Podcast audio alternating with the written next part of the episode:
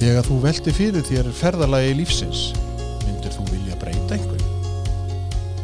Hvað hafði áhrif á þær ákvarðanir sem þú tókst og urðu þess valdandi að þú ert þessi manneskja sem þú ert í dag? Ég heiti Híðin Sveinbjörnsson og ég mun fá gesti til mín til að ræða eitt og annað sem kom þeim á þann stað sem þau eru á í dag. Verið velkomin í hlaðvastáttin koma Verið velkomin í Nóa Sirius hljóðverið hérna á podcastuðinni, í podcastuðinni. Þetta er alltaf flókið. Ég ætla að byggja hlustendur afsökunar á röddinni og ef ég fer að hósta og, og, og, og þeirri staðrind að, að ég sé órakaður en það er nú kannski allt annað handlegur. Hinga til minn í dag er komin kona og ofur töffari finnst mér að því minningunni þekkjana þá var hún svolítið töffari í gamla daga af því hún spilaði í, hún var markmaður í fótbolta mér fannst það alltaf svo töff þannig að hver er nú viðmælendin í koma svo í dag Herði, ég heiti Ragnhildur Ragnarstóttir. þú heitir Ragnur Agnarsdóttir mm -hmm. er þetta ekki með millinafn líka? Jú, takk. Ég nota það svona stundum. Já, er það bara á, til hátíða á jólum svolítið, sko. og, og svoleiðis Já, er, er, eitthvað ástæð er, er þetta svona eina af þessum ofnótuðu þú veist þegar já, ömmurnar verða báðar að fá nei, allir það hafi ekki verið bara svona í viðskiptalífinu þá bara hendaði betra að heita Ragnhildur Ragnarstóttir. Já, já, nei, ég með, með dögg sko, akkur að, Já. að hvort að fóreldraðinni voru eitthvað að, að þú veist, að, að dreifa þessum ömmunöfnum, þú veist, það er svo Já, margir sem nei, nei, heita nei, eitthvað nei, svona. ég er alveg út í loftið sko. Já, þegar, já, þannig að það er bara þannig. Já, Þannig að þetta bara passaði saman, RDA. mamma var náttúrulega svo ung þegar hún átti mig sko, hún var svo staðföst að hún náttúrulega ekki að skýra í höfuð á neinum. Já, þessar ungu mæður. Og hvað var hún mikið ung eða? já, 16. Já, sæll. Mhm. Og hvernig, nú byrjar þetta að vera spennandi. Ég ætla að muna þetta. Þú ert sálfræðingur og hvað í dag? Þú, þú, Með master í mannuðs þú, ert með, master í mannustjórnun, þannig að bara svo það, því sýtti haldið til haga og við ætlum að fara að ræða um svona þetta spennandi við umræðið efni sem heitir lífið og hvert að leiðir mann. En við skulum byrja á þessu. Mamma þinn 16 ára. Já, já, hvernig sko ég get ímynda mér að þá byrju, þú ert fætt 74 fjögur. Já. þannig að hvernig þá hefur þetta verið bara svakalegt Já, alveg öruglega sko. Að Hérna, mamma náttúrulega í, sko, sem heitir í dag tíundabekkur. Þegar hún er ófriska mér og eignast mig þarna sumarið eftir tíundabekk. Og já, það var auðvitað hérna kannski ekki algengt á þenn tíma þó algengara heldur en það er í dag. Já. En hún bara eins og er kannski svona í okkar genum við kallum það tollarsýðis genið. Það er, þó ég sé ekki tollarsýðis hérna með ættanafnið þá, þá erum við svona hvern leggurinn í minni fjölskyldu hans er svona staðfastar og ákveðna konur. En var upplifur þá með miðina svona þegar þú hugsað tilbaka ég minna var hún þá bara svona þessi hvern réttinda baróttu kona þú veist að, að konur geta allt og, og kannski svona vísirinn að því að, að þarna var komin ung kona sem bara hún ætlaði sér? Já, ég, ég er einlega viss um það að hérna, mamma hafi haft mjög mikil áhrif á mig þó að hún hafi í rauninni hérna, verið kannski uppeldist hlutarkinu svona framan að sínu lífi að hérna hún giftist þess að hérna, stjúpföðu mínum uh, hérna 79 já, og hérna og við flytjum til Ísafjörðar og hérna hún er svona í því að ala mig og bræðið mína upp hann fyrstu árin fyrir vestan en, en svo fyrir hún að vinna og svo fyrir hún í mentaskóla og einmitt þegar ég er að klára tíunda bekk eða níunda bekk eins og hér þá að þá byrjar hún í, í mentaskólanum á Ísafjörði og, og, og bara eh, hérna stendur sér frábælega vel þar þannig að þegar ég byrja mentaskólanum árið eftir þá var mamma búin að vinna öll verkefnin sem átt að vinna og, og það var svolítið erfitt að, að vera jafn góð hún sko, já þannig að hún var bara alveg drauma námsmaður og allt, bara Já, lág já. vel fyrir henni. Algjörlega Þannig að hún er bara, hvað, orðin þrítu eitthvað svolítið þegar hún er að fara. Já, byrja í Ég- mentaskólanum, í kvöldskólanum á Og en hérna- þá, þú varst þá í bænum eða ekki? Nei, ég fer ekki í Reykjavíku fyrir en ég er uh, 17, eða 16 ára. Ég er inni hérna fyrir á undan þeim uh, þau, þau eru á Ísafyrði og pappi fóstefæði minni bæjarstjóri þar já, og hérna og ég er einni beðin að koma til Reykjavíkur í tengslu við fótboltan Já, ég er valin í, í unlingalandsliðið við 16 ára landsliðið. Já, þegar ég er í BI 88 á Ísafjörði, B.I.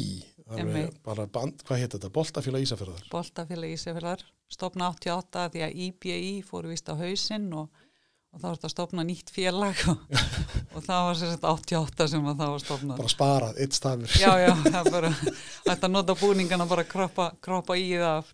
Þannig að, að sala leikmanna hefur bara, og svona kaup og kjör, það hefur bara byrjað þarna mjög snemma Ég, ég fikk allavega að vinna á kópásvellinum og var að spila með breyðablík, og 16 ára að vinna á kópásvöldinum. já, með strákunum Já, og hendaði bara alveg ákvæðlega vel. já, Við vorum þarna nokkur í, í fótboltanum sem að hérna, sem unnum þar og já, hérna, en ég held að sé ennþá þannig í dag að það eru þeir fótboltastrákarnir og stelpun að fá vinnu.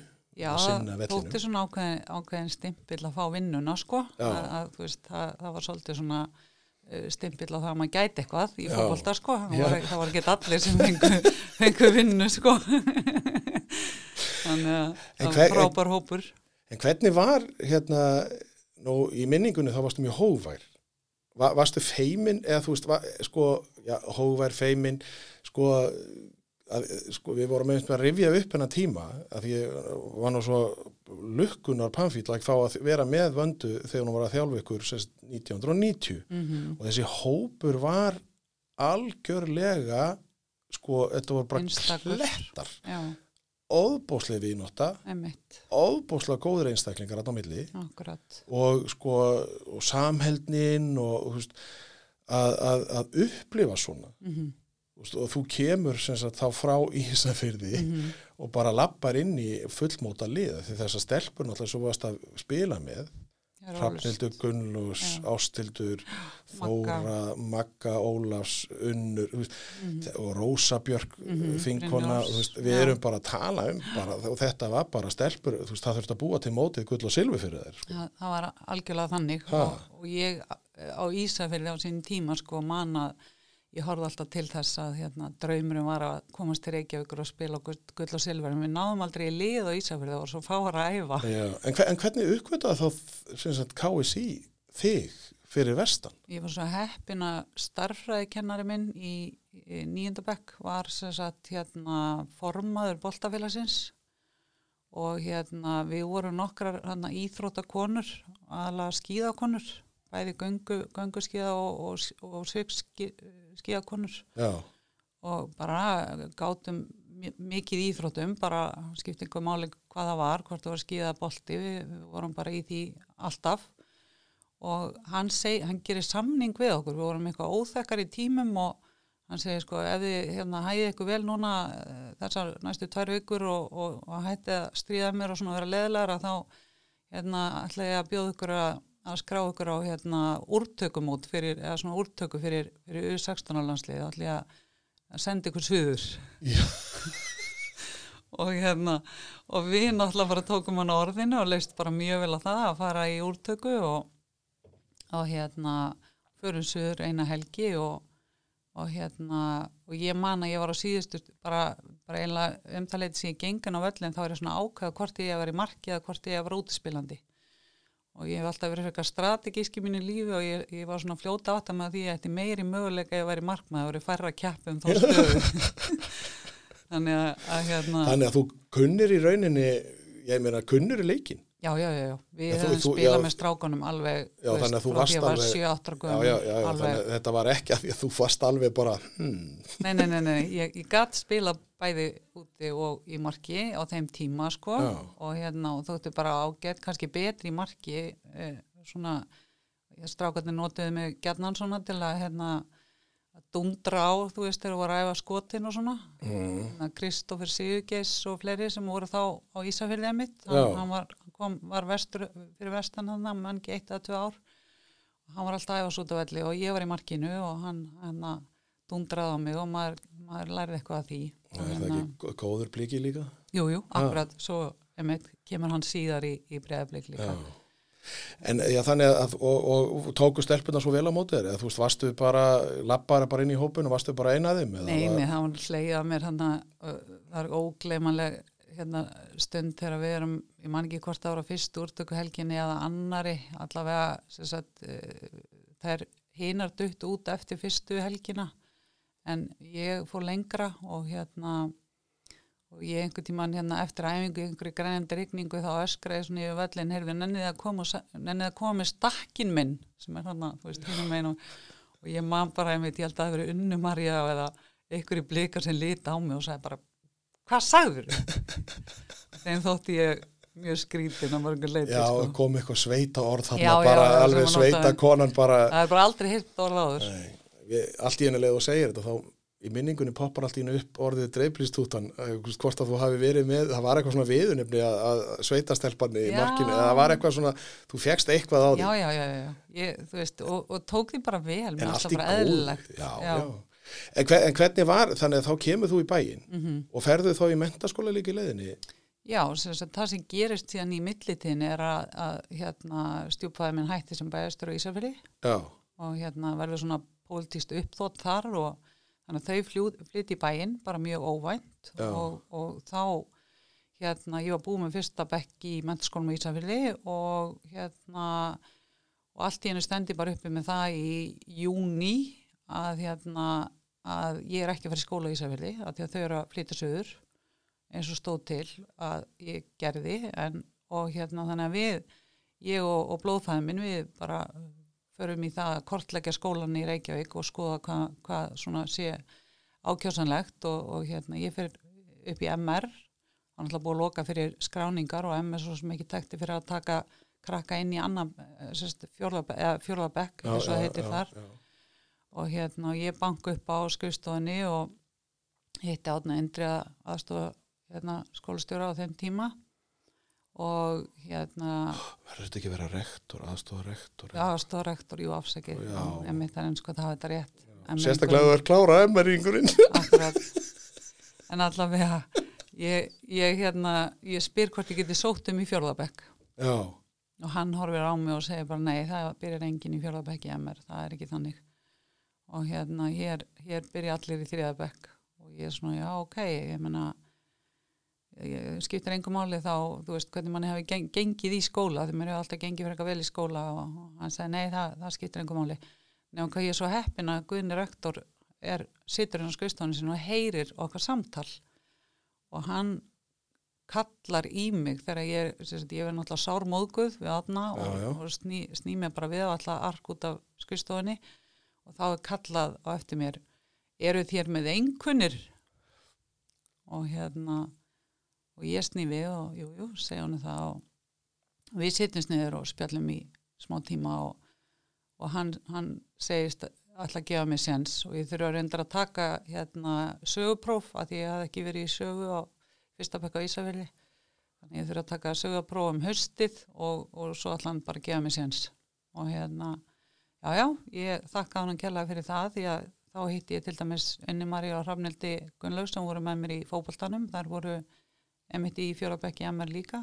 Já, þannig að ég er svona fjallin í egnaðist var hann með vinkonu sem að skipti miklu máli en, en hérna það var mikið sjokk að byrja í fjórðabekki MR því að hérna það var alveg ljóst að, að hérna fyrsti bekkur á Ísafjörði og hann hefði verið frábær og margir góði kennarar þá var svona dóttild munur á því hvernig námið að nálgast já, í- ekki alveg það sama á þriðibekkur ekki MR. alveg sambarilegt en, en það jafnaði sig með tímanum skondið þú segir að það þurfti að taka sögupróf. Það fyrsta sem poppaði upp í hugan, hugan mér var sko stafsendingaprófið, Mhm. alræmda sem allir sko hræðast og, og ekki það að þú hefur örglega rúlaði upp að því þú kunnur að segja stakkur. já, akkurat Ég var að- ekki ágjörð því sko, en það íslenskan var aldrei vandamál. Nei. þannig að, að það var, það var hérna, starfsfræðin var ákveðið sjokk því að það var náttúrulega bara lesið og ólesið sem hefði ekki, ekki verið venja eins og fyrir vestan. Nei, já, já, og, og hérna, já, það var svona eh, erfiðasta en, en hérna ég komst í gegnum þetta og útskriðast bara. Ég þurfti ekki að skammast mín fyrir niðurstöðuna en, en hérna það var mikið áfall að fara úr því að vera með yfir nýju með lengur niður í það að vera kannski bara ánaði með átta sko.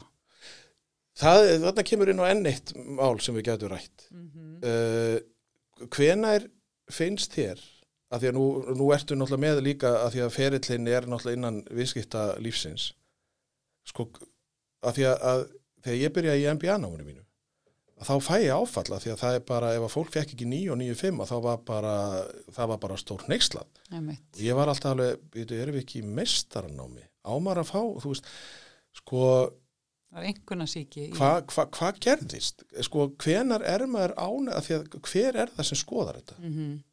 og hvenar, að því nú er að því að auðvitað náttúrulega líf þitt verði þannig að þú ferði í sálfræðina og svo tekur í mannistjórnuna og sérstaklega náttúrulega þetta er þetta ekki fyrir eitthvað manneskinn sem skiptir máli heldur en einhvernin Jú, jú, það er það sem ég segi við, við krakkana mín í dag, svona þegar þau eru að, að hérna, puða í skólanum og, og reynda gengur vel, en, en hérna, það er enginn að spyrja því hvað þú fegst í lokaengun í, í Vestló eða mentaskóla þegar að það kemur að því að sækjum vinnu, það er bara hvað getur, Já, hvað hefur gert og hvað getur já og hvernig einstaklingur ertu? Akkurat. Hvað, hvað ertu svona Getið hvernig, treyst á þig, þú veist, ertu úrraðgóður, ertu, ertu glaður og lausnameður og, og, og svo framvegis? Og það er, það er þeir, að, þú veist, það er þeir þætti sem skipta kannski meira máli í, í atvinnulífinu þó að auðvitað mentun sé mikilvæg, Já, það er ákveðin þjálfun þar sem þú fær sem að sem að hjálpar þér að nálgast við, viðfánsefniðin með svona kerfisböndum hætti og maður læri það mjög vel í sálfræðinni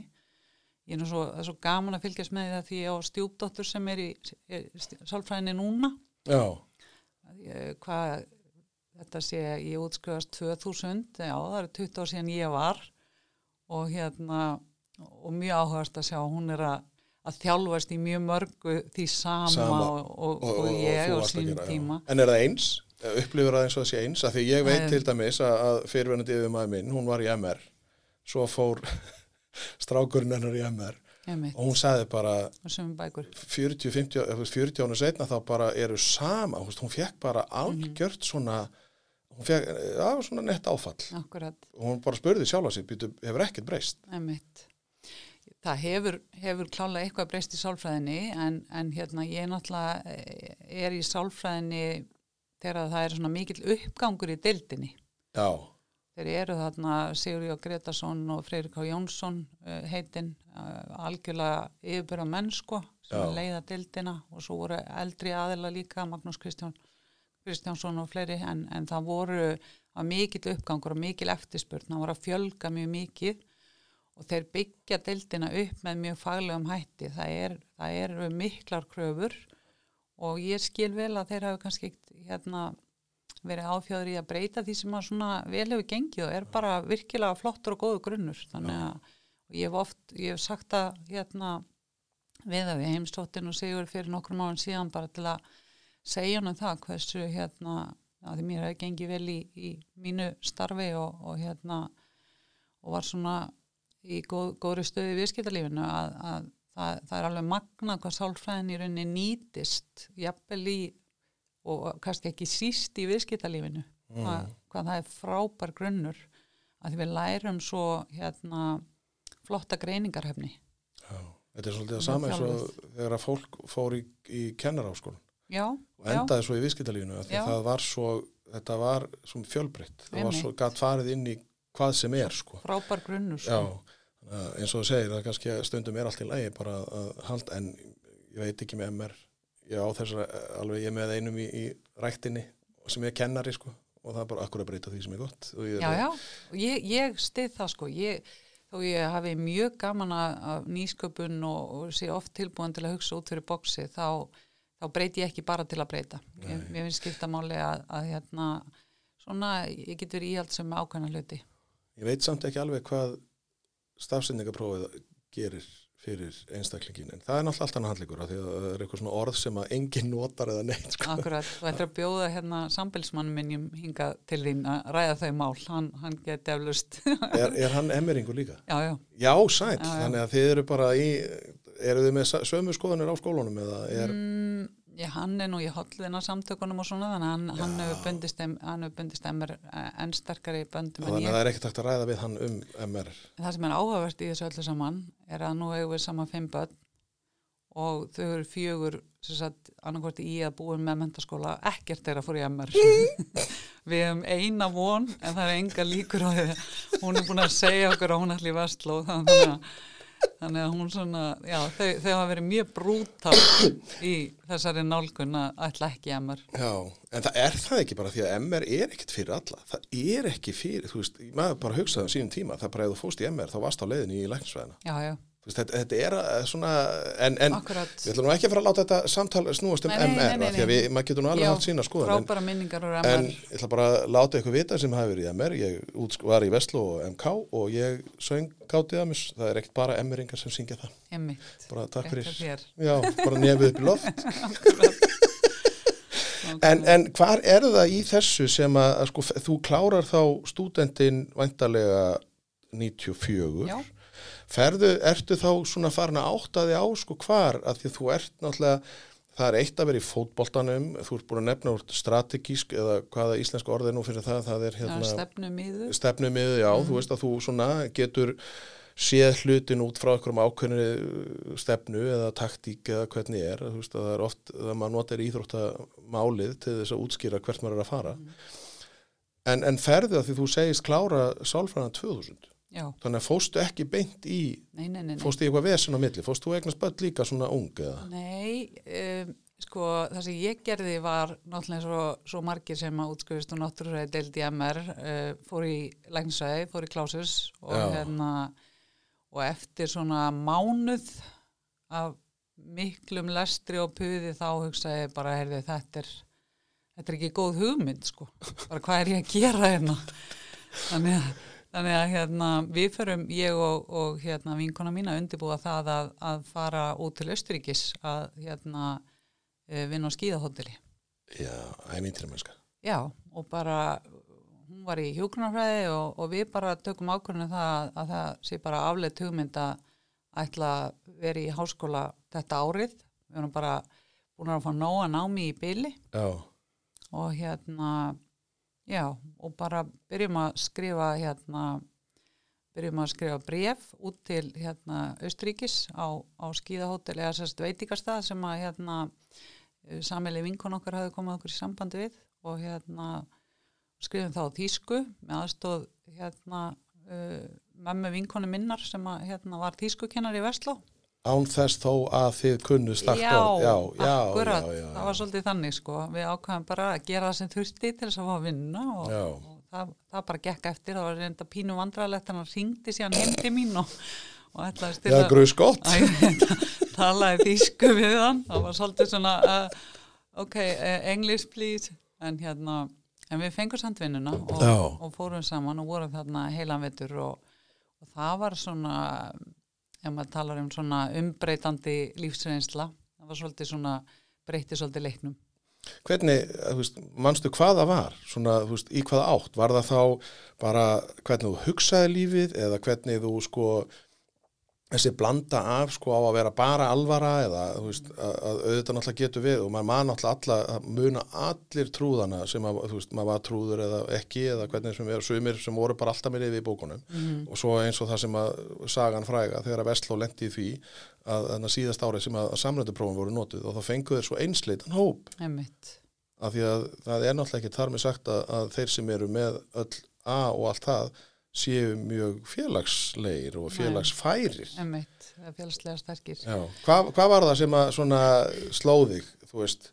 Sko ég hafði náttúrulega verið bara á, á mjög svona beinni braut fram að þessu augnabliki þegar við ákvæðum að fara. Ég var sérst byrjuð að búa, komin í sambúð, flutta heimann bara 17 ára og, og, og var með kærasta og, og við bara byggum saman og meiri segja hérna hann búin að kaupa íbúð og við byggum þar og, og ég stendi bara læknisvæði, hann var í viðskiptafræði og þetta var bara einhvern veginn svona nokkurn veginn búið að teikna lífið upp. Já, svo fær vinkona mín þessa frábæri hugmynd og, og er svona meira franganda aðlinn að því að við, við gerum þetta, við, við skrifum hann út og, og til Östuríkis og fáum þessa vinnu og bara ákveðum bara að skella okkur.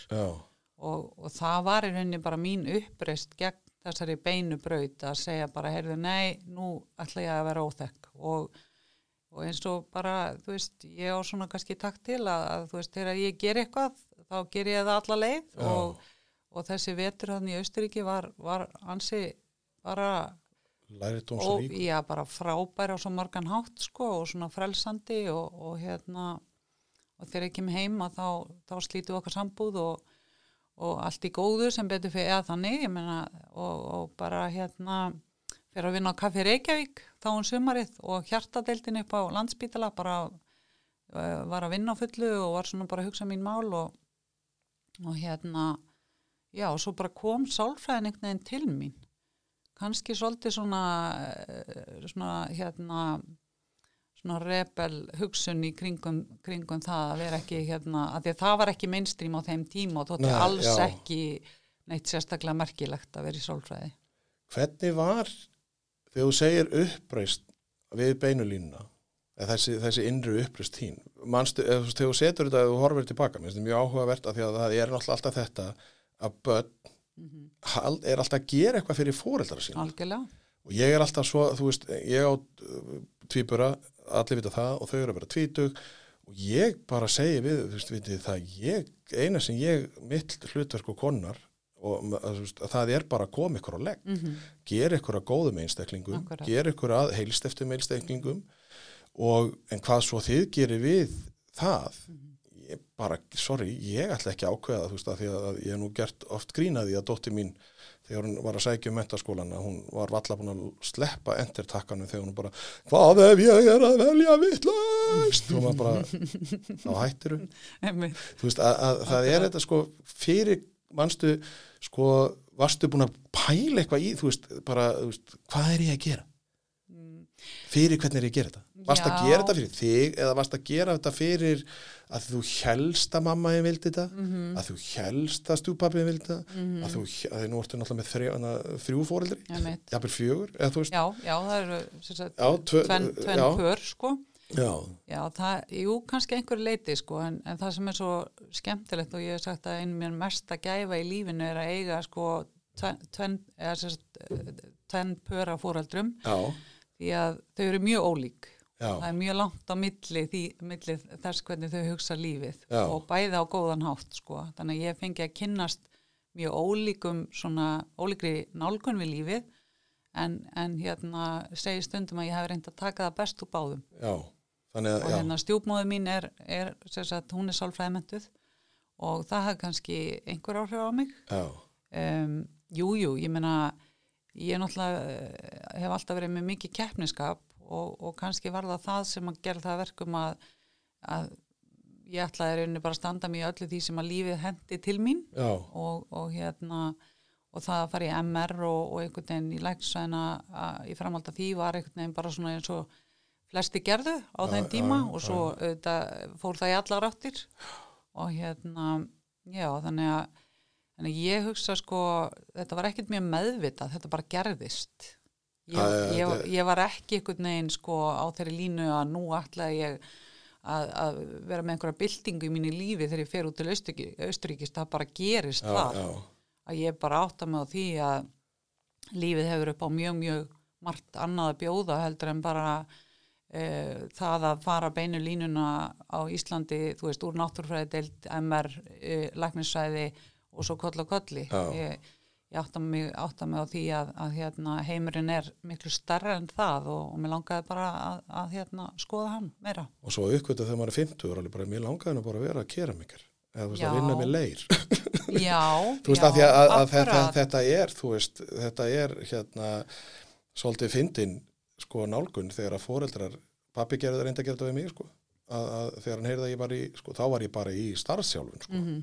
þrjá mánuði í leikskóla Mhm. og ég átti bara að koma heim Einmitt, og ég var bara, byrju fyrir ekki, ert þú að lifa lífinu mínu já, og, og þannig að, veist, hvað kemur þér þetta við? Þannig að, en svo hendaði, svo fór ég að vinna í starfsnámi, sko, í, og geðdild og þá var það allt annað leikur, sko. Var sko eins og það hefði verið bara, blaðinu bara snýða snúið við, sko, og bara, já, þannig að vinna á geðdild, sko. Ég held, ég held reyndar að sko að því maður finnur það sjálfur þegar maður verður foreldri að maður vill börnunum og, og það hefur nú bara a- svona alþjóðlega rannsóknir hafa sínt sko að við viljum, það er, það er eitt sem foreldrar allstar að, að, bara allstar í heiminum með að sammeilegt Mm, og það er að vilja börnunum sínum betra líf heldur en þau lifðu. já, Þannig að, að það að opna tækifærin og, og gefa fólki að gefa barninu sínu eða börnuninu sínu möguleika sem að þú kannski gast ekki notað og, og notið. Og hérna, ég meina mamma, mamma hætti snemma í skóla klárlega var það mikilvægt fyrir hann að, að ég kláraði. Mm. Já, hún fylgdi þér í gegn Já, eða svona, þú, þú varst, maður já, fann það, það var aldrei neitt Nei, veist, og, og það stóð aldrei til ég meina, skólinn bara lág vel fyrir mér og ég átti öll með þetta, það var aldrei neitt strögl með það.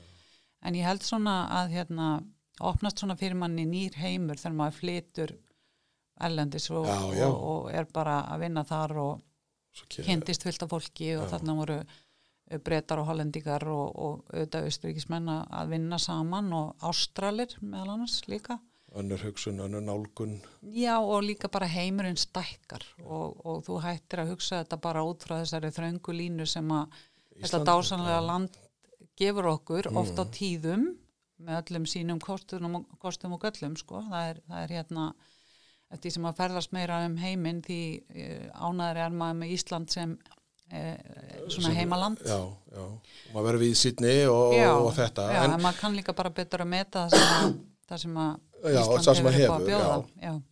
en, en hvað er, er þú segir, þú nota nú líka orð sko, að þegar að, að þú, sko, að hún að sálfræðin eiginlega bara svona dettur í fangjar eða, eða hún bara kemur til því Mhm. Þetta er nú kannski ekki frasi sem við notuðum 2002 eða þú veist að þe- þe- þetta var ekki orðið umtalað að það væri eitthvað sem kæmi til Nei, manns. maður bara tekur ákvörðun. Já, hve- hvernig sko þegar þú, þú, þú að, þannig að í rauninni er þetta bara undan farin að þú, svo þegar þú ferð að finna aftur, já, nú þarf ég að fara í skóla Já, ég er svona að reikna með að það hafi verið, þú veist nú þarf ég að fara að gera eitthvað, Já, að þá bara dettur þú niður á, heyrðu þetta er svolítið skemmtilegt. Mhm. Já.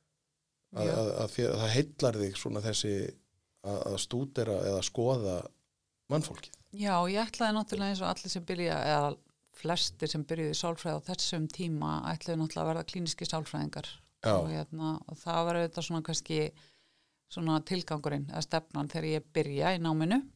Og hérna síðan bara svona kemst ég að því að ég er, ég er mjög mikið inn í svona pælingu vanandi sko vinnustað menningu, vinnustað sálfræði uh, starfagreiningu, hvað þú veist, gerir það að verkum að fólki já, fólk finnur sína hillu, þú veist, í, í starfi, þú veist, hvað, hvað er það í vinnunni sem gerir það að verkum að þú hillast að hérna því að verða læknir frekar heldur en verslunamaður eða eitthvað slíkt, sko. já, já, já, Þannig að ég fer að velta, velta því öllu fyrir mér og lokareitgerðin mín uh, gengur svolítið út á það. Ég að reyna að átta með því hvað það er sem að, sem að gerir fólk ánætt í starfi já, og hérna og já, eitt leður á öðru og, og í rauninni bara þegar ég er að hérna, selja lóðgareitgerðina mína. Ég, ég sagt gerði þannig rannsókn ég týtti á stað færði sko mælingalista starfsánægilista að þá dett ég inn á, á fund með Svala Björgvins hérna,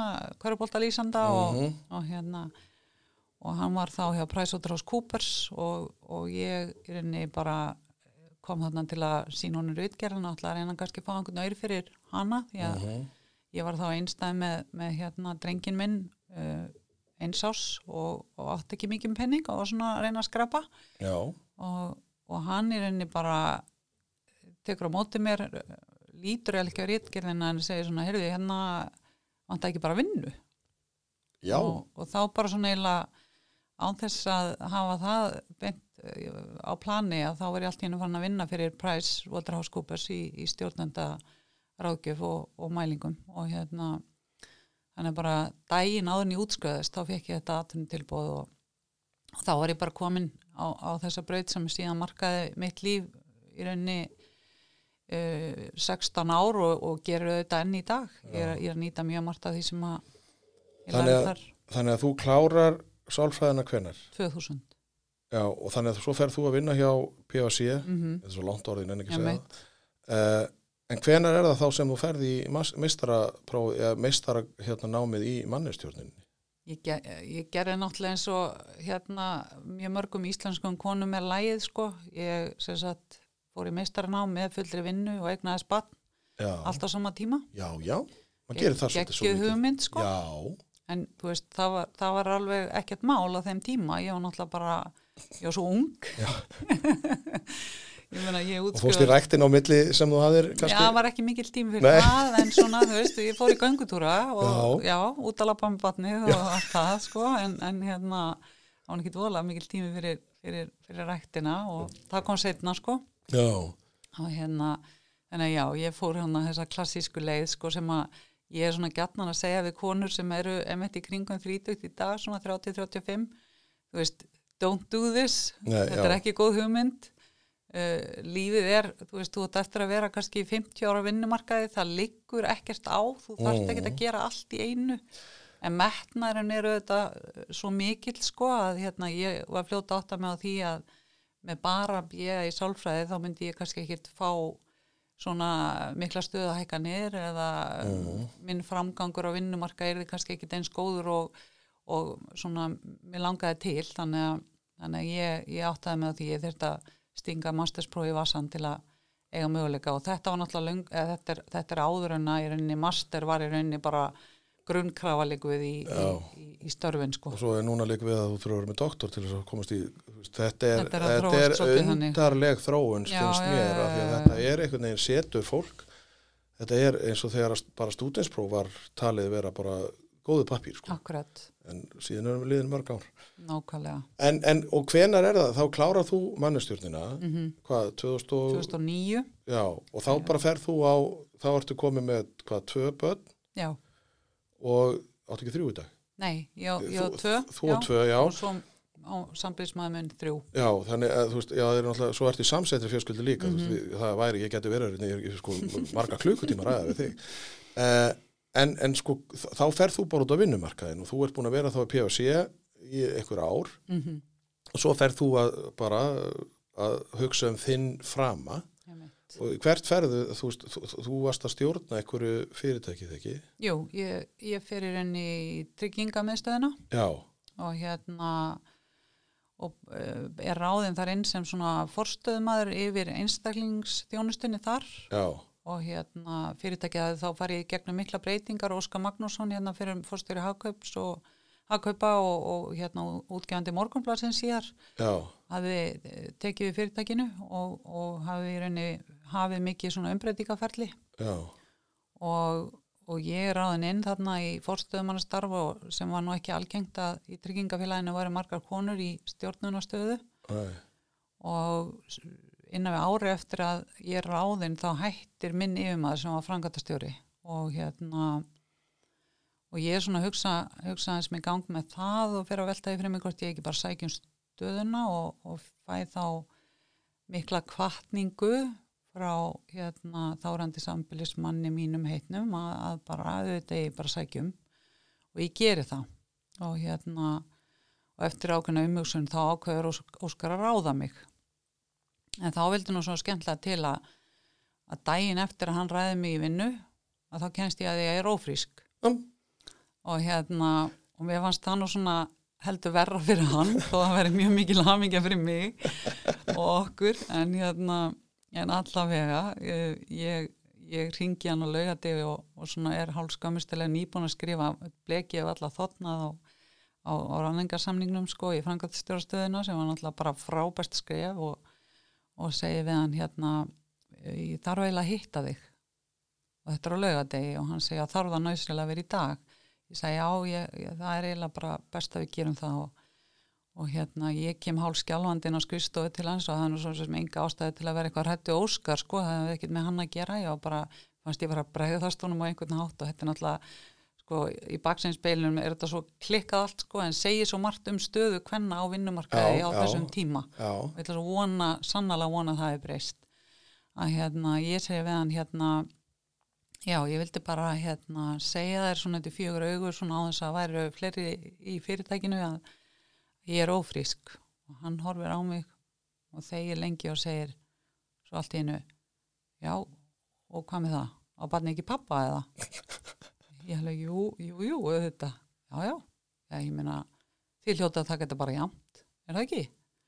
og ég bara eitthvað, var svo óðbásla fein sko, því ég bjóst við að viðbröðin er þau sko, heyrðu, já, nú þarf ég bara að endur skoða þína ráðningu og eitthvað, þú veist, ég var búin að búa mér þá sögu til. Já, þú, já, þú Að- fóst í ofhugsunina já, og um hann, hann myndi klárlega þú veist, að því ég var með sér á þeim stað sko, þeim vonda stað sko í jafnbreytis hugsuninni að það kvarlaði að mér sko eða svo veist, ég átt svo auðvelt með að sjá mig fyrir mér sko ef ég var í hans Já. stöðu, var í fórstjóri nýbúin að gefa þarna ungri konu sjens svo kemur hún daginn eftir og segja mér að hún sé ófrísk ég myndi hugsa bara eh, get ég treyst á þig þú veist, er, er þetta góð veist, er þetta já. gott upphaf en hérna en Óskar er náttúrulega frábær og hann hefur, hann hefur stutt við margar flottar konur í, í viðskiptalífinu og hérna og hann stóð með mér og, og ég stóð með mér. Þannig að, að þetta gekk bara ljómandi vel. Er þetta ekki kannski bara líkil setning að standa með sjálfum sér? Já, algjörlega, En, algjörlega. en, en hven, ok, þannig að þú, þetta er þá 2000 og, Þetta er 2006 sem að hérna, já, já, þannig að, að barni kemur þá í heiminn bara 2007 Sjö. kannski og, og svo heldur lífið ámfram og ertu lengi hjá trengingum já, ég er þar í tíu ár Já, þannig að þú, þetta er bara uh, núna 2017 sem að þú hættir þar eða, 2016 hætti ég hausti 2016 hérna, en upplifir á þessum tíma sem kona, sem sko stjórnandi og allt þetta, varstu sko að því að það er talað um, ekki það, ég dáist að því ég er náttúrulega bara þannig gerður, ég meina kona mín var spilaði með þið fótbolta og hún er keppnis og þú er keppnis og þú veist, mér finnst hún alltaf frábær, en þú veist, hún gæti alltaf reyndar óþólandi þegar hún tók við badmintonspáða, vissi ekki eins og hvað það var og svo vann hún mann, að því að, að hún bara, þetta var bara hennar, veist, hún var bara svona keppnis. Okkur, og svo eignast maður tvíbura á bæði, á báðum kynjum og þá fer maður náttúrulega að hugsa býtu, akkur á hún eitthvað af minni möguleika heldur en hann? Mm að, að sko hvað er það sem að við já ég ætla bara að staða það við kallmenn, þú veist, er, hvað erum við hrætti við? Sko ég held reyndar að þetta sé hérna miklu flóknara mál, þú veist, ég, ég veldi að breytismálunum mjög mikið fyrir mér og er, er einmitt að vinna svo mikið í því núna eftir að ég stopnaði mitt eigi fyrirtæki að, að vinna svona bættu starfsumhverfi sérstaklega kvenna stjættana, Mm að því að ég brenn fyrir því málefni. Já, og þá hef ég þetta farið í sögurskoðun og, og velti fyrir mér af hverju er staðan eins og hún er, af hverju eru til dæmis ummunnar og mentunarstörfin svona látt metin já, með mörg önnur störf að því nú er ég búin að vera í e, fjármálageranum, Mhm. fjármála tryggingageranum og ég veit hvað fólk er að gera þar og ég veit hver launin eru og, og mér finnst svo magnað að, að þú getur verið í, í skrifstofustarfi sem að þetta gerir kröfutíðin, ég er ekki að gera lítið úr því e, og þú sér kannski á þreföldum launum með að við hérna e, manneskjuna sem er að annars batnið þitt allan daginn, mm að því að þú ert í vinnunni. Já. og ég, já, ég er svona bara velt Mi- þessu mi- mikið mikil- fyrir já, mér. Mikilvægi starfana. já, og, og nýðustan er eiginlega svo að hérna, í fyrsta lagi eru konur náttúrulega bara búin að vera að vinnumarkaði sko í, í rúm 40 ár. Já, það, er- er ekkert sko svona fullum krafti að mála það þannig. já. Og hérna við, við vorum náttúrulega bara á hliðalínunu lengi svo byrjuðum við að vera þáttakendur og við fengum að vera með okkur var svona hleyft inn á völlin með skiliriðunum sem að kallarnir í rauninni skrifuðu sko. Já, og hérna og, og vinnumarkaðin er auðvitað hérna leikvöllur karlana og hefur verið veist allt fram til kannski 1980 að morða það þannig 1970, 1970 1980 fyrir við að taka svona fullan þátt og hérna og við göngum inn á leikvöll að því að svo mér er tamt að nota fótboltalíkingarnar. Þar sem er búið er að skrifa leikreglunar fyrir kalla af köllum. Já, og, og auðvitað hérna er kannski eðlileg þó að sé óasættaleg skýring þá er, þá er samt þetta að segja sko já ástæðan fyrir til dæmis að umönnunarstörfin eins og leikskólakennarastarfið er, er ekki mjög hátt launað er bara að þetta var ólunna starf fyrir ekki lung síðan konu bara seintu þessu með kannski hlutastarfi eða, eða hérna eða voru kannski fullvinnandi heima án launa. Já, og þetta bara tekur tíma. Og þetta hefur hérna má ég segja svona karlamenningin hefur ráður ríkjum á vinnumarkaði og, og ég tel á samt mjög mörgum öðrum að þessi konin tími til að breyta því því að það er bara gott fyrir vinnumarkaðin vinnumarkaðin á að vera góðu staði fyrir alla og þá er ég ekki bara að tala um fullorna heldur hann á líka að vera góðu fyrir börn. Það er að segja þau, þú átt að geta vera, verið barn á Íslandi og átt foreldra sem er í fullu starfi en geta líka syndir. Mm, Ég minnst ég líka verið rekast á það í mínu nýja lífi svona sem ég skapaði sjálf hérna 2016 að allt og margir eru að, að bugast og við vitum það bara út frá hérna, tölfræðin okkar að allt og margir er að bugast og sérstaklega konur í, í þessu kapplöpi við einhvern veginn árangur og vinnu og starf og, og frama og ásýnd og, og svo framvegs. Og keppast við eitthvað sem er ósynlegt af því að mér finnst í mínu starfi, nú er ég búin að vinna með úlingum og fólki bara í hundra ár Mm -hmm. og þetta þetta með að ég skildi aldrei og hef aldrei skilið þetta með að allir þurfa að vera eins. Sko að, að nú var ég með tvær félagsmyndstöðar og, og, og annar skólinn var búin að vera lengur heldur en hinn. Og ég var farin í, í sko ég bara hugsaði bara Jésús minn, þetta er bara mín í Vestló.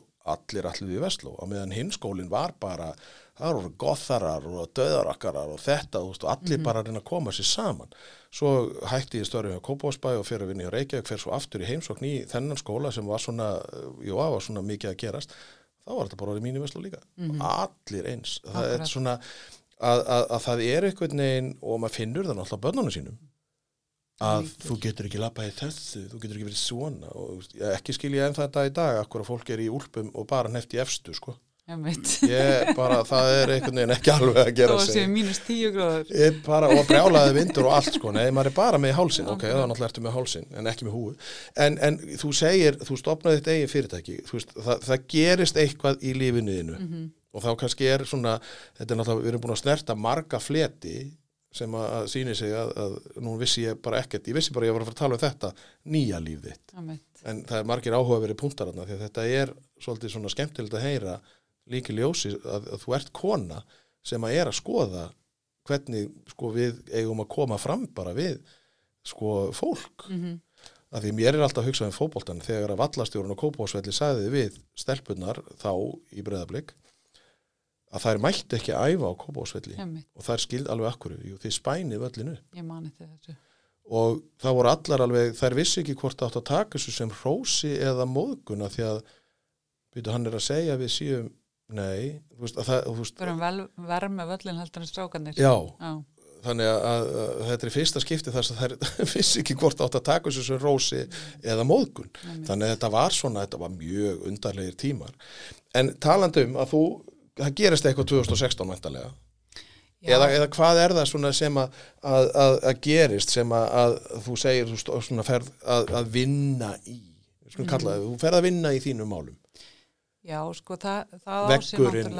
Svona, já, það á sér, á sér auðvitað aðdraðanda. Um, hérna, maðurinn minn veikist, uh, verður veikur að krabba minni 2010, þá erum við hérna með tvö lítil börn já, og hérna og það er náttúrulega svona smá auka álag við bæði í mjög kræfandi störfum og, og hérna já hann var líka í Já. sagt, viðskipta hann var í viðskiptalífinu líka já, og hérna þannig að við, við vorum hérna já, í krefjandi störfum með, með tvö ung börn og, og hérna og svona, svo bara kemur þetta að, að hérna hann er veikur og verður mjög veikur mjög, mjög rætt sko. Já, og hérna og bara svo bara þetta stöndur yfir í tíu mánuði að mikillega hörku sem að hérna var orðið bara ljóst til til að stemma að við myndum tapa og hann hann sem sagt deyr út í uh, Tískalandi, við vorum á, á leiðin á skýði því að það var náttúrulega átt að reyna að halda áfram með lífið og Já, allt, já. allt, allt væri einhvern veginn á, á hliðinni. Og hérna og í kjölfarið á því svona eins og svo margir segja sem að hafa sko hérna lent á þessum stað og þetta tekki orðið miklu betri í dag því að nú er í stjórnaformaði ljósins endurhenga stöðar fyrir, fyrir kramninskrenda já, og, og svona í, í þeirri hérna vinnu að þá náttúrulega hérna hitti maður marga í þessum aðstæðum. Og, og maður heyri þetta gegn, uh, gætnan að, að þú endur skoður inn allt eitt líf þegar þú ferði gegnum svona, svona baráttu og svona hörmunga um orðaða þannig. Og, og það er raunin bara það sem að, það sem að gerist sko að hérna fyrstu þetta var ég bara svolítið á nefanum og ætlaði nú aldrei bara sína sanna að ég kemist í gegnum þetta. Nánast svona á þess að þjóra mikla aðstóð sko íslenska leiðin. Já já, bara svona þetta græ, bara græja þetta og retta Já. þessu og við heldum áfram. Og hérna svo bara svona smátt og smátt fer ég átt að með á því að, að hérna að kannski lífið sem ég var að lifa á þessum tíma að, að það er kannski ekkit endilega það líf sem ég myndi vilja lifa næstu áratugina. Varstu þá aftur, að því að núna fæ ég allt í einu svona, nú fer ég bara að hugsa tilbaka þegar þú ferð á skíðahótelið í Östuríki mm -hmm. Sem, sem, sem ung kona. Akkurat Varstu þá bara, heyrðu, ó, að þannig er komið aftur svona mm einhver brekka. Já, og aftur á skíðahóteli ekki reyndar í Austuríki en á, á, í, á Þýskaland, í. Þýskalandi bara hérna sk- skamt frá sko en hérna, jú, jú ég, Nei, já, bara svo mánuðnir eftir að þegar þú byrjuð að fara á hnefanum að Já. þá svona byrjar eitthvað í kollinum á þér, þú veist, að er eitthvað sko, er eitthvað svona, er eitthvað svona samilegt frá þessum skiluru, byrju, ég er komin í þett, þennan farveg og ég ætla að vera á hnefanum, veist, mhm, alveg svo með námið, þú veist, ég var bara fyrir MR og svo ferði í læknisfræði og Mhm. svo bara verður, þú veist, og eigði þessum tíma, skilur að, að það er svona að því að eins og eins leiðilegt og krabba minn er, mhm, að, að sko, það gerir engar fer ekkit í grafgötu með hvort þú ert ríkur, fátækur Nei. Kall, kona, þetta hitt skilu, það bara, þú ert bara með krabba minn akkurat. Og þá einhvern veginn eins og segir að þá gerist eitthvað. Já, veist, var eitthvað svona sem að hristist í þér? Já, sko, í rauninni verðmæta matið og, og, og forgangsröðunin í lífinu, hún bara breytist við, við þessar aðstæður. Það, það er bara algjörlega þannig að hérna hlutir eins og það að, þú veist, kera á flottum bíl eða eiga stórt hús eða fallega munið eitthvað slíkt, þú veist, það, það bara skiptur orðið miklu minna máli og hérna, og það var bara það sem að svona rann upp fyrir mér að þetta lífskeiða kapplöp er ekki það kapplaup sem ég ætla að taka þátt í þó að Mm. það sé alltaf verið einhvern veginn að toga mann í þá átt sko og Já. maður sér þá einmitt börnunum sínum, þú veist að það er þessi ríka krafa um svona það að við tökum, tökum þátt í þessu já, því það er gott fyrir efnahægin já, það er gott fyrir já allir sé, sé á, á brettinu á, á millunni, á, og og, hérna, og, og, og ég skil það. Ég, ég hef hérna, ágæti skilning á efnaðasmálum og viðskiptum og, og ég veit, veit það auðvitað að, hérna, að, að það þarf að ganga fyrir sig veist, atvinnulífið og við þurfum að skapa störf og fólk þarf að hafa vinnu og þarf að hafa tilgang og svo framvegis og framvegis. En hérna við Íslendingar erum það nú til að, að vera svolítið svona aukakent, ég menna bara eins og veðrið. Já, og, og við tökum þetta alla leið já, og maður sér það þegar maður ferðast ellendis að við erum mjög keppnis í já, öllu og, og það segja þeir sem koma hingað og eru gestir okkar og, og vinnimann sem koma til Ísland segja bara, heyrðu bara, eru bara allir á jeppum, er það vegna þess að það er rosa mikill snjór í Reykjavík alltaf á veturnar eða af hverju, af hverju svona margi jeppar til dæmis og maður svona, nei, það er ekki vandamálið. En þú veist, það er svona bara hérna glögt er gest saugað sko. Já, ég lærði mitt, þegar ég var í Danmörku þá lærði ég orðið laissez-faire, að það væri svona, við lifum bara eins og á, á morgun er bara síðusti dagurinn. Já, og við erum ekki, við erum svo gjössanlega stefnulegs mhm, en það sýnir það sér í mörgu í, í öllu sem að, að Ísland er að gera bara í, þú veist, nema í sóttörnum, finnst mér að við séum bara þar erum við með eitthvað stefnu. Þannig að við erum svolítið, og þetta er svolítið kannski þetta, Mhm. að, að við erum líður okkur svo einangra eða veist, að því að ég man til dæmis þegar ég flutti til Danmörkur og á Jótland að nú ætlaði ég sko að fara til Þýskalands alveg bara aðra hverju helgi sko. Ég fór aldrei, ég bjóðar í átt ár. Mhm, að því að allt í einu því ég gata, gerði ég aldrei. Emmitt en núna þegar maður er innilokkaður út af Mhm. okkur hafi enga flugvilar og þá er maður alveg sko að bugast að komast ekki til útlanda. Veist, þetta, við erum svo við erum skrítið fólk. Já, sko, það er þetta með hérna, skortshugsunna sem að hérna, er orð sem ég lærði ekki fyrir svo löngu síðan að góðri vinkonu minni. Að hérna ef þú ert í skortshugsun þá ert ekki að njóta þess að lífið hefur upp á að bjóða akkurat á þeirri stundu sem að Já, það er að líða hjá. Og hérna og ég er búin að vera að þjálfa mig mjög í því að fara út úr skortshugsunni og, og vera meðvituð um það að skortshugsun er ekki góðu staður. Að það, það að vera í tí hugafari eh, getur ekki leitt neitt gott af sér. Guðni í Róbíókasetrun, hann kallar þetta skort dýrið. Já, mjög, Við erum- við erum svolítið í svona, já og það er ástæðan fyrir því að, að mannkinni er ja, sko stórkostlegt eins og það er í dag veist, ég meina það að við getum fundið út úr koronaverinu á, á ekki lengri tíma þar sé ég verða að bólusetja í dag fyrsta, fyrstu manneskjuna eins og í Breitlandi að, að það er náttúrulega stórkostlegt að við erum, við erum við, það er ástæðan fyrir því að við, við náum árangri að við erum í einhverju skortsugsun já. En hún það bara að vera á réttum forsendum sko. Ég og kona mín við áttum mjög djúpa samræður um þetta og við, sko, að því það er alltaf verið að reyna að finna eitthvað blóraböggul fyrir veirunni mm og, og svona við bara, þetta hlýtur bara að vera móður jörð. Já. Við vorum alveg komið þangað. Já, Að sko, jörðin var að segja við okkur slakiði á. já, stoppiði hugsið aðeins Mm. veist, e, enda líka þegar maður er að horfa á heimildaþætti um fataðina en þetta, Mhm. þú veist, og maður er bara hvað erum við að gera? akkurat.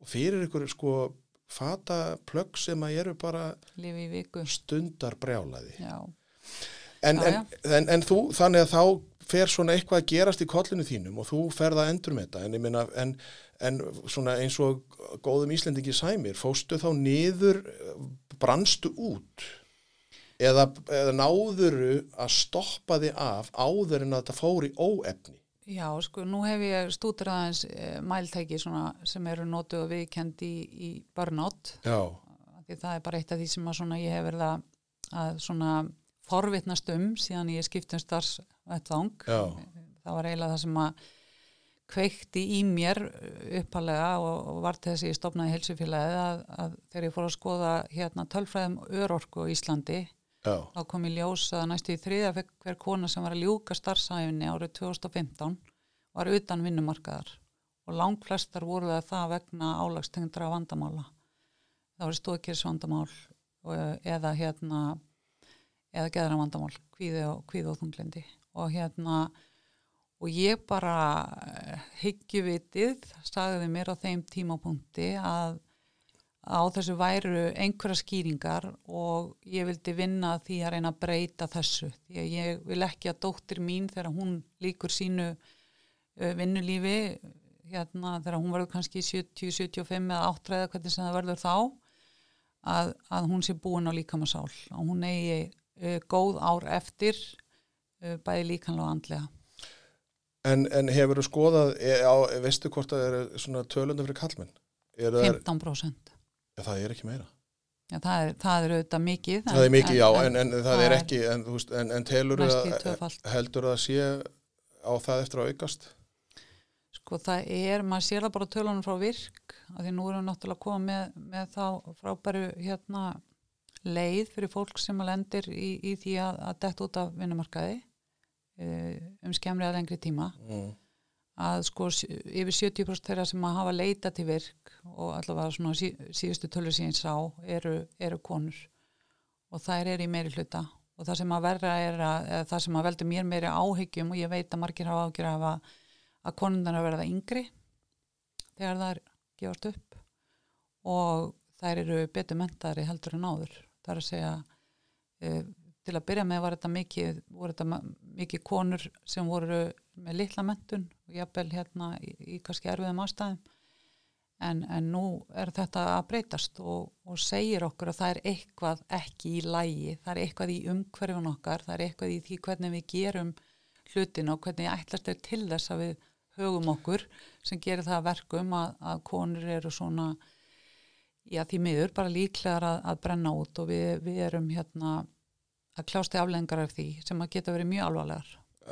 Bara þetta er skelvilegt að að, að, en sko núna dettu mér í hug strax sko orðið að, að þetta sjálfstal.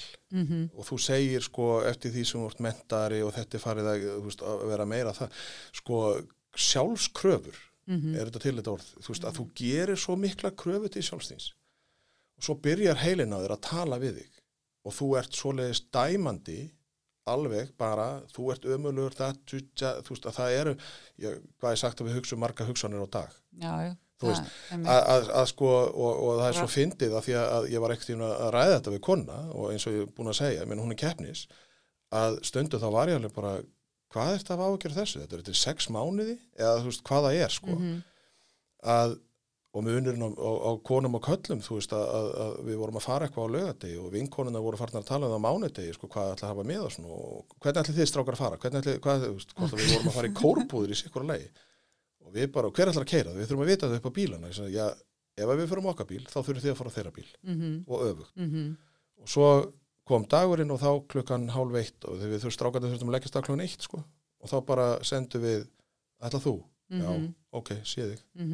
þetta voru sér samskipti mín og hans þú veist, við rættum ekkert um eitthvað farangur eða neitt, skilur við að, að og svo vorum við eitthvað að ræða þetta núna í vetur eða núna bara í þessu ástandi ég, þú, þú ert að hugsa svolítið um mikið mhm. svo erum við eitthvað að ganga frá einhverju og hún opna kassa og það er bara bók konur sem hugsa um mikið eða, Einmitt. þú veist, og, og ég, við hlóum svo mikið sko, að, að og hún sagði ég byrjaði að lesa þessa bók einhvern tíðan en ég gata ekki að því mér fannst hún vera svo mikið kjaftaði en núna í dag þá er hún alveg bara, já, áhugaverð.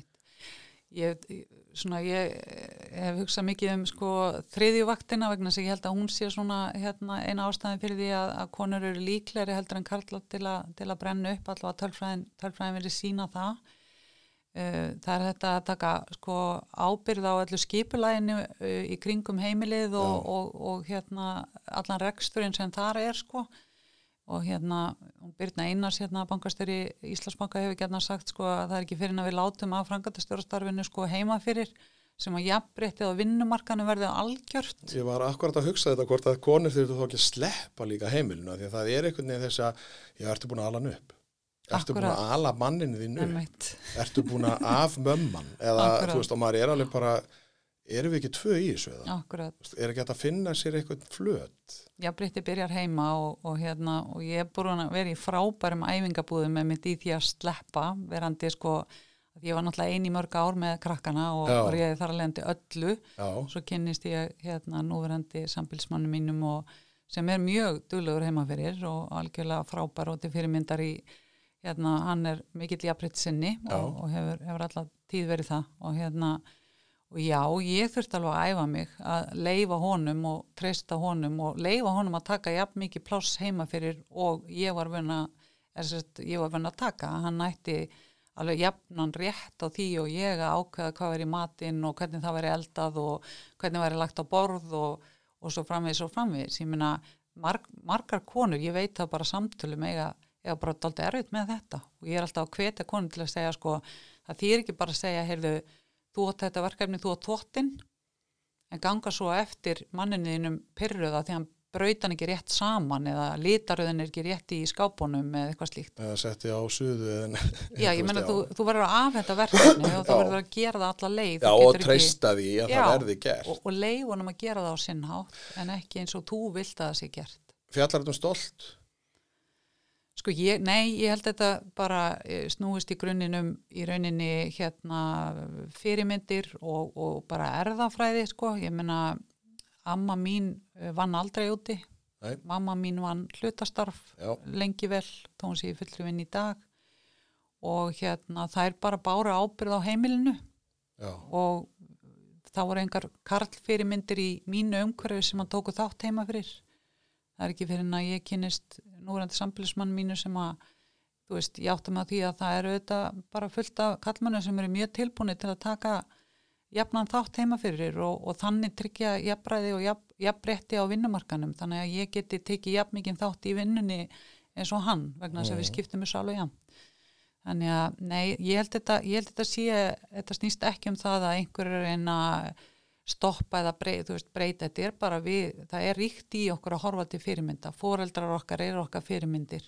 Og ef að mamma mín var rosalega dugleg í eldúsinu og, og var með allt upp á tíu og stjórnaði öll eins og herfóringi heima fyrir, þá gæti ég átt erfitt með að sleppa í mínu, mínu lífi, sem sagt í minni sambúð.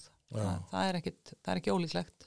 En þú stopnar þá, þá komum við að því að þú stof, ferði í þessa vinnu sjálf, þetta er náttúrulega ákveðin sjálfsvinna að, að, að fara í gegnum þennan pakka. Mm -hmm, og þú stopnar þá heilsufélagið. Mm -hmm. og síðan er það núna að, að það vill svo til að konan mín er upp á Reykjalundi þeirri frábæru stofnun. Og hún heyri fyrirlestur eða fær vitniski um þig. Og þá kemur að þessari, hún spyr mig um lífskeiða dagbókina. Mm -hmm. sko og bara eins og tilið á forsíðin eða á hérna kiljunni þá er bara þessi bók hefur aðeins eitt tilgang að hjálpa þér að hámarka lífsgæði þín. Einmitt. og en hvað, sko, segðu okkur aðeins frá sko, þetta er mjög skemmtileg bók. Eða þú veist, þetta er mjög skemmtileg uppsett. Ég náði nú aðeins að fletta þessu sko á netinu og svona, sjá hvernig hún væri.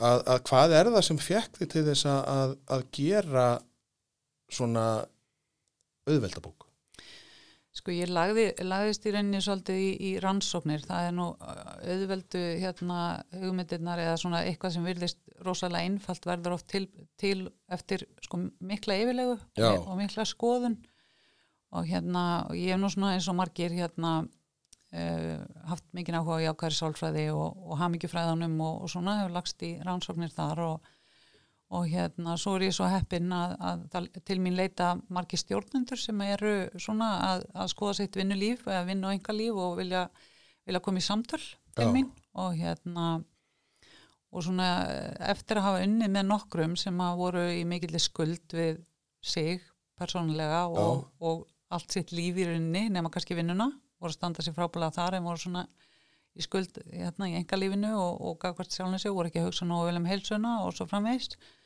að þá svona fór ég að, bara kortleggja svona þessar grunnstóðir lífskeiðana og bara, bara smætta þetta nýri það að ef þú ætlar að njóta þess sem þú hefur sem best á hverjum degi að hverju þarf að huga?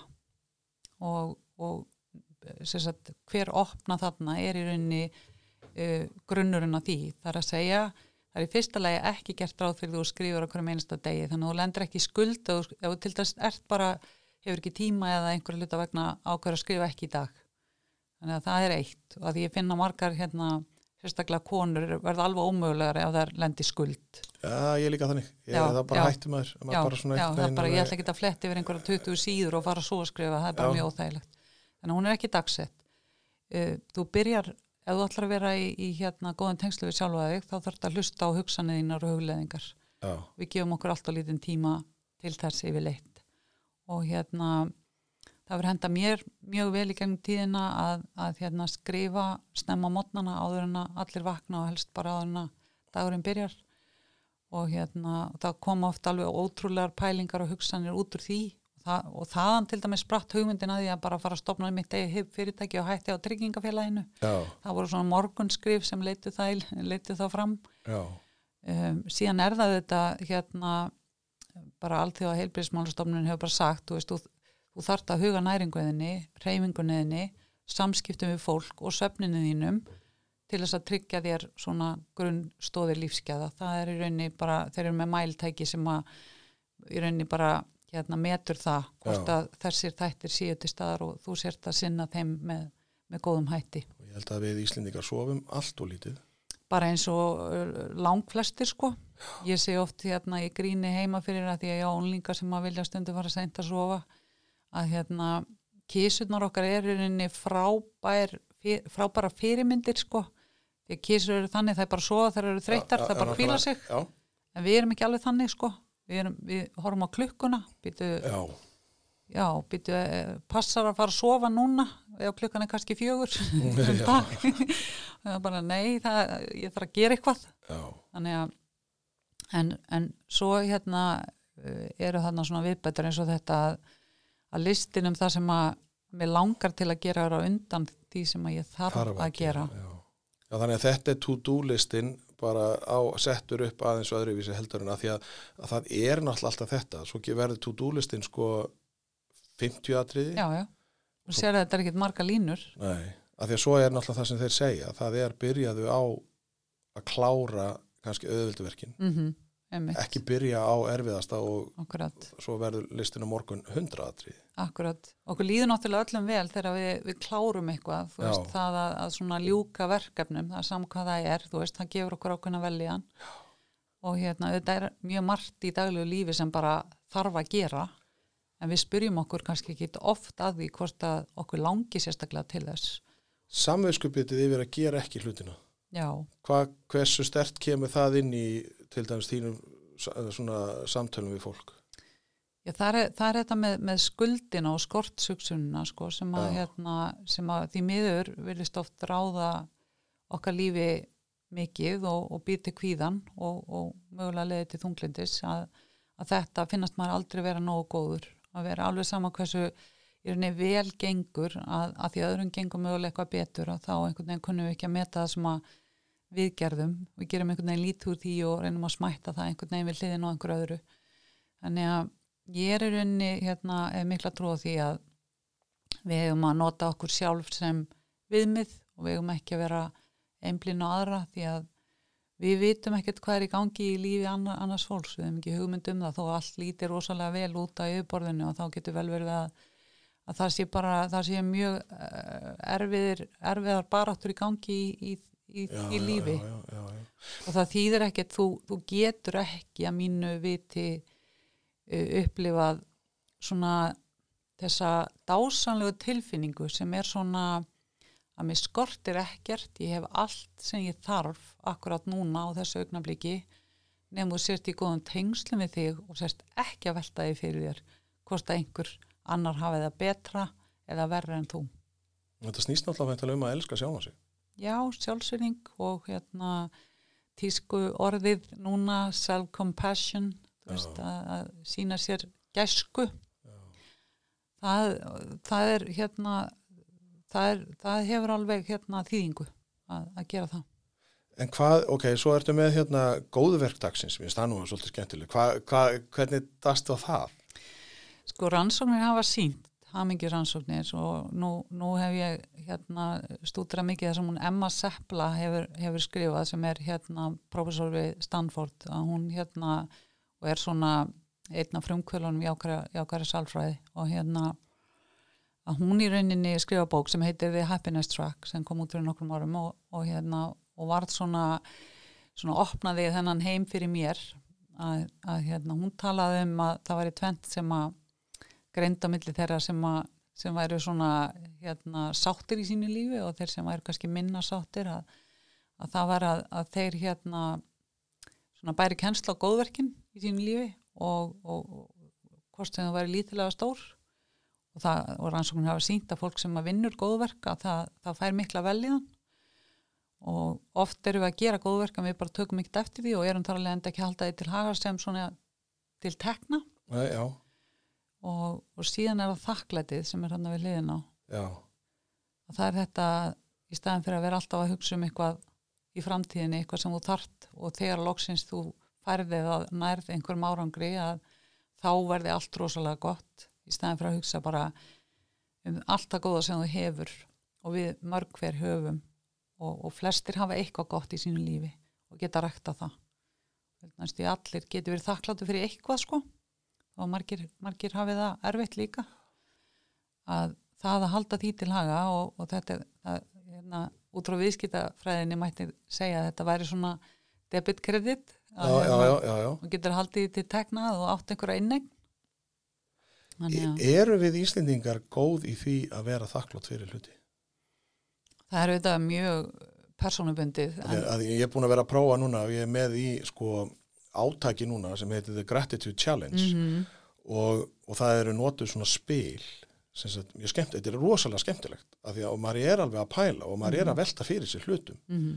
og til dæmis því svo var ég að kynna þetta fyrir hérna mínu fólki sem ég er búin að kynnast í gegnum Chief Happiness Officer uh, dæmið að það var einn sem sagði þakklæti, gratitude er bara eitthvað sem að er að þá er puttin á lofti þú átt að þá var þetta amman og þá var þetta svona í gegnum kirkjuna mm. Guðstrúin, Já, Guðs, já, já. sko uh, þetta Tengt með, þeir eru engt tengt trúalegu á meðan bandar ekki, menn eru náttúrulega bara veist, ég, það er svo gaman að þeim að þeir eru bara, þeir eru þakklátti fyrir sko að vera með sko tánögl og maður Mhm. er bara ok, takið þetta örlítið Akkurat. þannig að það er svona ótrúlegt hvað, sko, ég meina við getum verið þakklátt fyrir að anda, við getum, að því mér finnst líka við mikið átt að segja, þú hefur eitthvað til, þú hefur eitthvað fram að færa. Mm það er einhver ástæða fyrir þú ert í það Já, já, og, og þú bara veist það ekki í dag.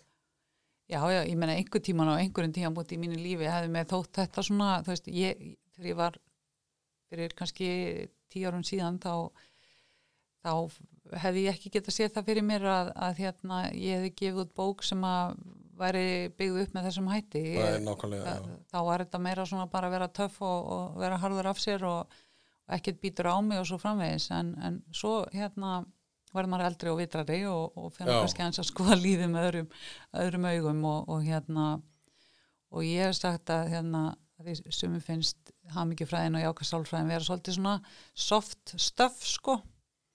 En ég held að sé ekkert meira hardcore en það sko. Já, ég held að, að, að fyrir okkur mjúkumennina þá er þetta mjög gott að því að mér finnst þetta mjög skemmtileg fræði því að það er, maður vill náttúrulega vera metin af verlingum mm sem þetta gengur náttúrulega líka út á að maður er manneskja, þú hefur eitthvað fram að færa. Mitt og það er ekkert neitt svona eins og þetta var þegar þú bara hlýttir mitt því að, að svo trú er náttúrulega líka kannski orðið svolítið úreld sko að maður eldi bara fóringjan Já, maður er bara einmitt að hlýða og, og alfameilið hérna sýnir okkur leiðina eins og, eins og dæmir um sko. En ég, það þarf mikið hugrekki það þarf mikið hugrekki til að líti í speil og, og skoða það sem maður sér. Og, og þessi bók hún gerir manni í rauninni hún gerir það kröfu til manns að maður bara svona skoði vel inn á við og velti, gefi sér tíma og staldra hans við og, og hugsi bara hver er ég og á hvað leið er ég en svo endarum með hérna frá, eða sérst broskall og miðlumsbroskall og svo leiðurkall þannig að það er svona, maður metur þetta út frá broskalli aðeins hvort að Já. sko, en, en er ekki, af því að nú er ég þeirri aðstöðu að ég sem sagt hætti í vinnunni 1. júni og ég er bara að reyna veist, á, á svona 29 pluss uh, að vera að finna sem sagt mig aftur, að Mhm. finna mína minn flöt en það kemur alltaf þessi hræðsla mm mér finnst ég ekki tafa neitt fram að færa -hmm. fólki í jakkafötum á öruglættir að jarða mig sko. Mhm. uh, þú veist, hvað er það hvað er þetta þessi hræðsla veist, við hvað er við, þessi ótti við hvað er hann sko, hefur þau séð þetta svona, kannastu við þetta úr sjálfs efan já, ég þekki hann auðvitað persónlega sjálf ég, ég held að fólk sem að hefur ekki sjálfs efa það hérna jú það er kannski einhver leiti eh, heppið, ég veit það ekki en, en oft er þetta kannski einstaklingar sem eru blindir á sjálfan sig. Já, ég held að hérna sjálfs efi sé nátengdur sjálfs þekkingu og þú lærir auðvitað einmitt að þú talar um þú veist, samtalið við sjálfan sig. Já, sjálf, sjálftalið, hvernig fer það fram. Þú lærir auðvitað með tímanum að, að takast á við hennar sjálfsefa með því að kannski segja þér bara, heyrðu, auðvitað get ég þetta ég hef gert þetta áður og af hverju ætti ég að vera hrættur eða efa, hafa efasemdur um að ég geti staðið undir væntingum? Það er eitt. Hitt er að vita nákvæmlega hvað það er sem þú ætlar að segja. Og, og bara eins og þegar ég var að undirbúa mig áður en ég kom til þín að þá ég, þú veist, hvað langar mig að skilja eftir? Þó að sé bara eitt bara eitt atriði, bara eitt samtala eða eitt þáttur í okkar samtali sem að skilur eitthvað eftir hvað sem það er fyrir þig eða einhvern sem er að hlusta að þá finnst mér að hérna, það hefur verið eitthvað gagn í þessu spjall okkar fyrir þetta hvað er skemmtlegt, bara hitta þið aftur og allt það, já, já, að, að það geti verið svona já, gagn fyrir einhvern í leiðinni já, sko. já, já, já. En, en ég held að sko þarf, það er mikil vinna að, að halda sjálfstalinu í ákvæðu vegna þess að rannsóknir hafa sín að sko jafnvel þó að svona venjulegu dagur í lífi venjulegs manns er nú bara, gengur að jafna þið nokkuð vel. Þú veist, þá erum við að tala um fólk sem lifir svona bara uh, típisku vestrænu lífi, þú veist, er í vinnu á fjölskyldu svona, þú veist að hérna, það hefur verið rannsakað að, að yfirleitt gengur dagurum bara mjög vel. 70-80% af deginum er bara bara nokkuð góður og flesti myndir segja bara já, var bara, veist, bara gerist nákvæmlega sem ég bjóst við, ég stóð mig vel og allt svona kannski 20% sem eru svona kannski ekki, ekki jafnvel hefnu, einhverja áreistra sem lendum í að átökuð eitthvað óvænt. Uh, sjálftalið hefur síðan verið rannsakað til hlýðar til að skoða, þú veist, hvernig endur spekla það raunveruleikan og þá kemur í ljós að það er akkurat öfugt. Við fókuserum sko 78% á okkar hugsunum fari að, að hérna fókusera á það sem mistókst sem voru þessi 20% aftur þessi skorts og skulds hugsun. Já. Í staðin fyrir að, að í rauninni að bara vera ánægð með það sem gekk vel Já. og það er bara að vita svona tölfræði þekkja þetta þessa staðreind að því maður heldur alltaf að maður sé, einna, maður sé, maður sé einum að mistakast Aha. allir hinnir séu bara þú veist, ó, ég er svo ótrúlega flott eða flottur sko, ég er svo peppaður og ég er svo flottur og til í þetta Veist, við höldum nefnilega dálítið svolítið, eða höldum að við séum einn sem erum lítil, lítil í okkur á þessu augnabliki það er, það er alls ekki þannig. Og hérna við erum fljós, flesta kljást við hennan litla, litla kall sem að hérna talar allt og hátt þarna á, á, á yfirleitt á hægri aukslinni því hann hefur meira orðið sko. Mhm. og ég hef stundum sagt svona eigum við að vinna í því að reyna að færa hann yfir á vinstri og gefa honum aðeins minna reyna að skrúa aðeins niður í honum segja honum eða henni að veist, hún eigi bara ekkert með það að vera að rífa kjátt allan daginn. Já, hún eigi kannski bara að kvíla sig. En þú veist, ég sé tilbúin til að hlusta kannski lókdagsins þegar ég er svona aðeins að Aðeins að veltaði fyrir mig velta, hvernig þetta hefur gengið allt saman sko. Og þá svona segi ég bara, æjú, ég hef nú átt að geta átt betri samskipti hérna við þennan eða já, þetta er ekki alveg nú gott, þú veist, mér finnst ekki alveg að hafa náða að leysa þetta vel. Og maður svona fari yfir það. En á sama tíma gleðist yfir því sem vel gekk og segi bara, er þakklátt fyrir þetta dásanlega samtal sem ég átti við hérna, dóttur mína hérna, þú veist í, í- tímíndur yfir kvöldmannum í gær og var algjörlega dásanlegt þar sem hún sagði mig, mamma ég ætla bara að segja það að ég ætla bara ekki að lifa lífinu þannig að ég sé að stunda ykkur á tómstundir sem ég er ekki, þú veist, ána með þetta á að vera gaman er það ekki? Já. og ég er svona ok þeir eru ekki alveg minnst ekki skrænilega en, en þú veist, það, það eru bara svona hlutir sem að hérna já, í staðin fyrir að hérna ljúka deginum í gærum og hafa gríðalega rákjör því að hún, hún sé að taka rángar ákvarðanir og þá ætlum ég að stiða hann í því að, að vera áfram svona hugurökk og, og, og fylgja hjartan. Er þetta ekki bara bestu loka orðin sem við getum haft? Þetta er búið að vera æðislegt samtal, af því að svo er eins og alltaf að ég veit aldrei hvert ég er að fara með viðkomandi, þú veist, ég bara vissi svona svona fleittir rjóman, eða þú veist, ég vissi alveg hvað típa þú ert, eða þú veist hvað þú getur sko,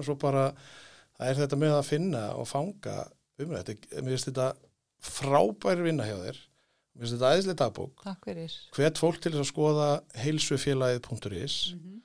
og svo er bara að ég heyri það að við förum og setjum upp fána fyrir velíðan fólks og, og heilsu eflandi lífi. Algjörlega, þannig að, að, að því að að það er einhver ástæða fyrir þú ert hérna sko. algjörlega. Já, Takk fyrir að hafa samband. Bara takk fyrir að koma og eða tíma með mér. Gaman að hitta þig Takk, takk. Bye. Þú varst að hlusta á hlaðvastáttin koma svo. Takk fyrir að hlusta